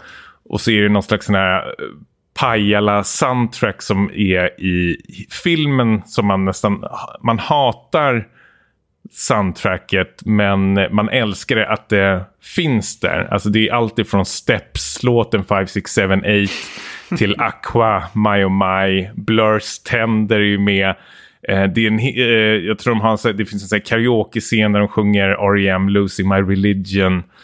Righteous Brothers, alltså det är sånt otroligt sån här äh, skimmer soundtrack som håller på liksom glittrar i bakgrunden så den blir nästan så här obehagligt eh, mysigt. Och sen har den ju sånt ett otroligt, otroligt ehm, eh, gud jag får gåshud här nu, men ett jätte, jättebra eh, slut. Mm. Också precis som eh, vi sa med Nope, att det inte är så här att Ja, återigen upprepande ord här kanske, men skriven på näsan. Eh, det, det, är någonting du får liksom, det är ett litet så här, montage nästan på tio minuter som den liksom så här, försöker runda ihop filmen med. Så liksom man får nästan en så här, surrealistisk eh, åktur igenom och sen är den eh, nästan på ett vemodigt sätt, fast på ett väldigt fint, vackert då, eh, slut. Då. Eh, men, eh, helt otroligt bra. Men är det liksom en film som är mer så här typ bygger på en stark atmosfär, typ så här, jag menar, Terrence Malick är det närmaste jag kommer på, uh, snarare än att det är en, en story som är spännande. Jag skulle, men jag tycker ändå att den är, alltså återigen Lost in translation, det är samma sak där, alltså man, man ska förklara vad Lost in translation handlar om så vad är det? Bill Murray åker till Tokyo och går runt och hänger och så träffar han Scarlett där och de hänger tillsammans. Lite är det med den här känslan att de, de här två bara går runt i Turkiet och eh, hänger och träffar på massor med andra eh, lokala tänkte jag säga, med andra liksom, eh, folk från Storbritannien som också är där. Mm. Men som inte kanske tar lika mycket plats. Men den har någonting som liksom bubblar i bakgrunden. Du vet inte riktigt vad du har den här eh, pappan till exempel. Han känns väldigt eh, oförutsägbar. Det känns som det är någonting som ligger så här... Jag vill inte säga för mycket, men att det kanske finns någon agenda eller någonting eh, bakom det hela. Eh, mm. Och du, du, det blir ju inte så att du får ett, liksom ett du får en mer aha-upplevelse mot eh, slutet sen när du börjar få ihop de här pusselbitarna eh, sen. Också en sån där otroligt rolig film att eh, prata om i, mm. efteråt faktiskt. Eh, hur man tolkade vissa saker. Ja, men den var... Ja, jävlar vad bra. Men jag, den kom från ingenstans. Jag var inte alls beredd när jag skulle se den här att den var, skulle vara så gripande. Mm. Jag såg ditt betyg och jag hickade till, men uh, ja, du har sålt in den. Måste jag ändå säga. Ja. Mm. Så jag ska, jag ska se den i, uh, vid tillfälle, helt klart. Ja, men jag tror du kommer gilla den faktiskt. Jag vet exakt vad du har på första plats nu när jag tänker efter. Ja, skitsamma. Uh, ja, men säg då, vad tror du? Bones and all? Nej. Nej, okej. Okay. Nej, men då, säg inte att det är Avatar. Nej! Bra nu. Uh... Oh, vänta, vänta, vänta, vänta, vänta, vänta, vänta. Åh, oh, vad jag vill... Ah. Och det är inte män, kan det inte vara? Nej. Jag såg den på Stockholm Filmfestival. Som Bones and All och Decision to Leave. Det var den tredje filmen jag såg.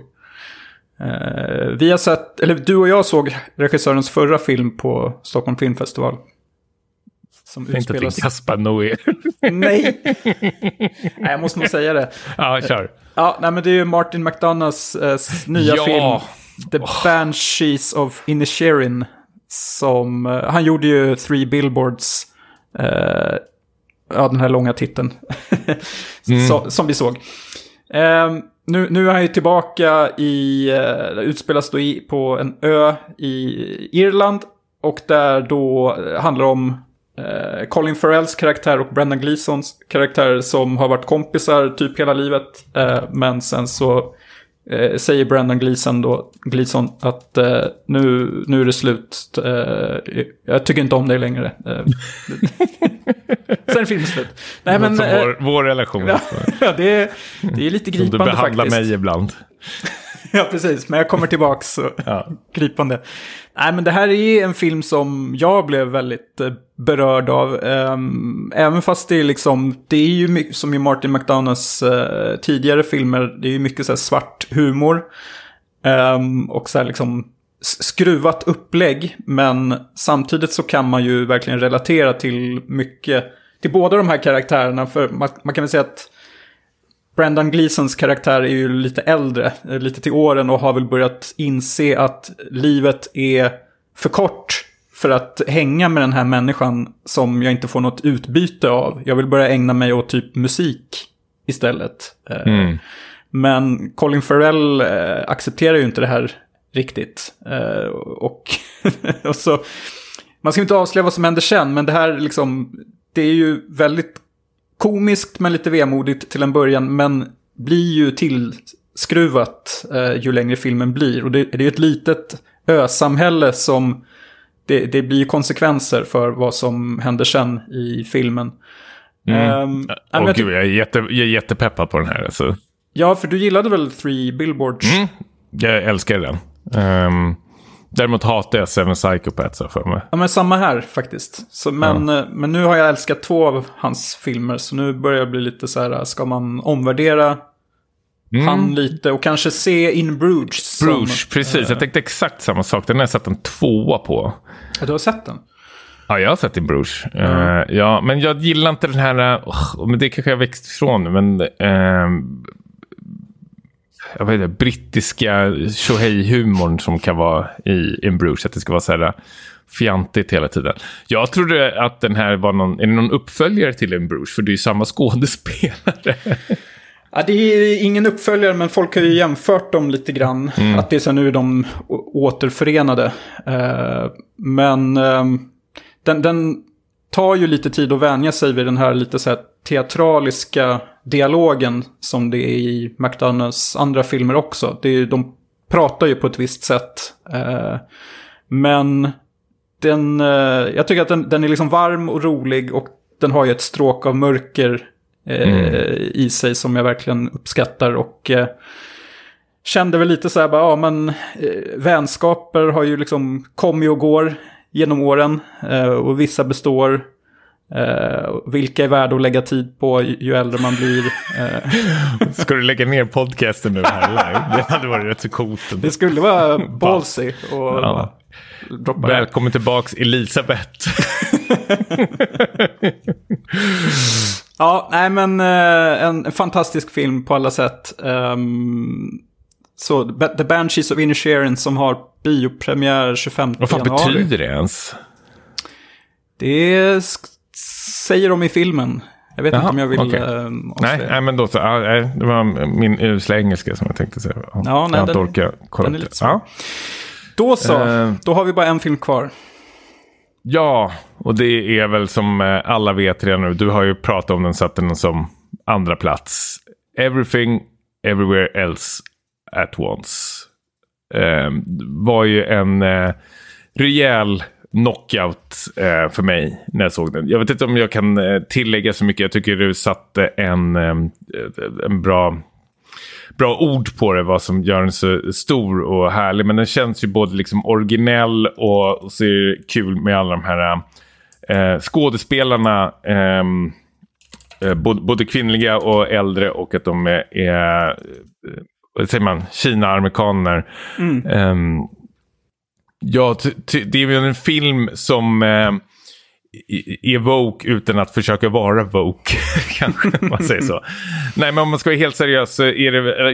Jag tyckte om väldigt mycket om det här äh, familjeförhållandet. Och jag tycker ändå också att äh, när det väl ska liksom knytas ihop och Ehm, det är en dialog i slutet på en parkeringsplats så hade jag väldigt svårt att eh, hålla tillbaka eh, tårarna faktiskt. Jag tyckte de fångade eh, känslan mellan den här dottern och mamman eh, så otroligt eh, bra. Eh, deras relation med varandra och var de stod någonstans i det. Eh, ingen behöver betyda att, liksom, att de hade fel, men båda ville väl kanske eh, åt olika håll med mm den här. Och jag tyckte det, var så, det är så otroligt eh, skickligt ändå att blanda de här um, genrerna. Att det är någon slags sci-fi thriller i någon slags familjedrama. Eh, och den är supertramsig, men det är ju en... Eh, med liksom en fingertoppskänsla ändå. Bara att de, när de ska bryta de här äh, universumen så är det väl någonsin när de liksom stoppar upp dildos i, eller det är inte dildos men det är statyer i röven. Eh, och det kom ju från ingenstans, jag låg ner på biogolvet då. Eh, det säger kanske mer om mig. Men eh, jag vet, mm. den hade såna, och den var ju så otroligt häftigt eh, klippt också. Det kändes som man var i nästan i någon slags eh, gammal musikvideo från tidigt 2000-tal eller någonting. Var väldigt rapp. Eh, både bland karaktärerna och klippningen och ljud och allting. Um, ja. Ja, men det är ju, vi har väl inte nämnt regissörerna, The, The Daniels. Daniels, eller vad de, just det. Bra att du sa det. kallas som Ja, men de har ju, de tar ju chansen känns det som att nu klämmer vi in alla idéer vi någonsin haft i, i en och samma film. Uh, och det funkar ju. Uh, mm. Och sen har också det här att det känns ju som att det har gått lite inflation i sådana här multiverse-filmer med typ um, men Spiderman och ma hela Marvels Phase 4 är väl typ the multiverse verse, verse uh. face, face eller något i den stilen. Och jag såg... Uh, jag såg den här Doctor Strange 2, Multiverse of Madness. Ja, jag såg att du satte en två på det. Jag aldrig skrattat ja, så mycket i mitt liv. Den var ganska bedrövlig. Och om man, man tänker så här... Glad är jag. Ja, hur, hur man kan göra något så fantasilöst liksom, med hela det här konceptet. Men då är ju everything raka motsatsen i eh, eh alla de här olika världarna som, som man bara får en liten glimt av när, när mm. de liksom far fram så att det är definitivt en film att se om och upptäcka nya detaljer i. Eh, om och om igen, känner jag. Mm. Och utan att det ska vara så jävla... Alltså det, det är crowd pleasing utan att det blir så här äckligt som kanske senaste Spiderman-filmen har. Att det verkligen skulle smetas i våra ansikten. Eh, den var ju förstås kanske bättre än de senaste Marvel-filmerna. Men nu när jag hör även hur senaste Doctor Strange-filmen. Jag har inte sett nästan någon Face4-film. Men det lilla jag sett är ju liksom bedrövligt. Det känns som Marvel måste faktiskt um, ha, mer, ha mer kul när de gör film. Och det går inte att ta in den där uh, nya zeeländska knasregissören och göra får-filmerna uh, längre. Utan de måste tänka eh, våga tänka lite mer. Mm. Man måste vara liksom på spåret hela tiden, känns som. Ja. Eh, och det är de inte alls. Men det är verkligen eh, Daniels. Det känns fräscht, kul, spännande. Eh, ja. Ja, men det är, känns som en modern klassiker. Eh, faktiskt. Eh, som, som nog kommer hänga kvar länge. Mm. Då så. Då så. Eh, re recap på filmerna? Nej, det behöver vi inte göra. Nej. Vi kan, vi kan länka det på Discord-kanalen. Det kan vi göra. Kanske. Härligt. Ja. Men däremot skulle vi jättegärna vilja höra eh, er lyssnare, era favoritserier och filmer, eh, även böcker. Eh, spel, ja, fan vad som helst. Musik är också jättevälkommet. Eh, och, återigen som bäst är ju bara kladda ner det på en Discord-kanal. Men om ni vill dela med er så går det absolut att göra på Twitter. Där vi heter Späckat Podcast tror jag. Jag vet inte. Eh, men Discord-kanalen finns också att länka. Eh, och, och, där eh, ja, kan vi läsa mm. Varandras ja. listor. Vore kul. Jag vill läsa faktiskt lyssnarnas listor. Så ja. dela jättegärna med er. Absolut. Men Tommy, vi har ju glömt en sista grej. Du gav ju mig ett projekt med The Shield. Nu har jag ett pro aj, aj. projekt till dig här. Jag ja, skulle men, kunna göra... Vänta, lite mm. spelregler ändå. Det måste vara fair. The Shield är ju bra, det är ju omtyckt. Du kan ju inte ge mig typ Young Indiana Jones eller någonting. Nej, nej, nej, nej. Uh, men vi sa väl att man fick ge filmer också? Ja, absolut. Ja. Eh, för jag, jag har en, och jag kan vara med på det här. om det är tråkigt så, så skiter vi i det. Men jag skickar Ja, en... okej, ge, mig, ge mig lite hints då i alla fall. Ja, men vi, ehm, Fast and Furious-filmerna. Vi, vi har pratat om det i eh, programmet. Wallander-filmerna. Beck-filmerna. Här kommer länken i Discord-chatten. Du får läsa högt vad det är för något. Topp 10 noir-filmer. Det är ju klassiker. Flera klassiker här. Två av dem. Vilka har du sett? Eh, Tredje mannen och Touch of Evil. Båda är väl Orson Welles med. Men och ehm, Sunset Boulevard ska man ju se bara för det är David Lynch favoritfilm. Mm. Eh, resten har jag inte så bra koll på. The Big Sleep vet jag ju förstås. Eh, nu sitter ju bara, det här är inget kul för lyssnare. Men eh, absolut, jag är på. Um, Okej, ja. Men vad, vad innebär det här? Jag ska ha sett alla de här tio innan årsskiftet. År, innan året är slut. Ja, och du ska ha sett... ehm, Sju säsonger av The Shield. Är det typ för tio avsnitt per säsong eller? jag tror det är 25 avsnitt per säsong. Nej, det är det inte. Nej, men eh, nå- någonting sånt där är det säkert. Ja, men det ska Eh, väl men men, det, men det här kan jag absolut ta mig igenom. Det är inga problem alls. Det blir kul. Och, eh, och vad, vad var själva projektet med det? Vad var tanken med det? Att du, jag ska ändra min uppfattning om noir, eller? Ja, men du måste väl ändå ha sett alla klassikerna innan du avfärdar genren som... Ja. Den, den här listan kommer vi länka också i eh, Discord-kanalen kan vi säga redan nu. Men jag vill ändå höra, vem är det som har gjort den här listan? Det är bara någon jag hittade. Juki 64. Fan, alltså du har bara grävt fram det. Det finns ju ingen, finns ingen så här eh, research cred eller någonting över det. Det är bara du som har skrivit top 10 noir på Letterbox och så har det kommit första bästa, eller hur? Lite så var det. Jag var ju tvungen att dra fram något eh, i hatt, ur hatten här så... Kan vi inte göra en roligare då? Nu, nu frågar jag dig. Du, jag ska inte hålla på och rucka på det. Men att du personligen väljer ut tio stycken noir-filmer. Så kan vi göra. Är inte den lite roligare då? Ja, Som jag måste vi, se. Vi... Och- ehm, Och du kan plocka från den här. De enda jag har sett, det är ju, de, har jag de såg jag ju när jag pluggade typ så här filmvetenskap eller någonting. Men Touch of Evil har jag sett och The Third Man. Men om du vill se om dem så kan jag absolut se om dem. Jag har inte sett dem på jättelänge så jag kan knappt ihåg dem. ja, men eh, kul. Då, då ska jag ta... Men vi säger tio filmer, det, det känns Mm. Tio bra. filmer får du välja som jag ska ta mig igenom. Och du får väl göra det också om du vill. Och så tar du igenom The Shield. Och ska vi göra en avstämning i ehm, halvåret kanske? Hur det har gått. Ja, Ja. ja, men kul. Det här är jag peppad på. det är taget. Det är 2023-projektet. Yes. Ja, härligt. Eh, ja, nästa avsnitt kommer när det kommer. Eh, vi kör, vi fortsätter köra i samma takt antar jag. Två veckor. Nu släppte vi de här två avsnitten eh, rätt så tätt in på varandra. Säger jag nu innan du har hunnit klippt dem. Jag måste ändå fan tacka dig Niklas så jävla mycket för det här året. För du har fan klippt varenda jävla avsnitt måste jag säga också. Det är inget lyssnarna vet. Och jag har en hemlig Patreon så jag har ju sprungit iväg med pengarna också. Nej, men du har gjort ett jävla dunderjobb i eh, klippningen.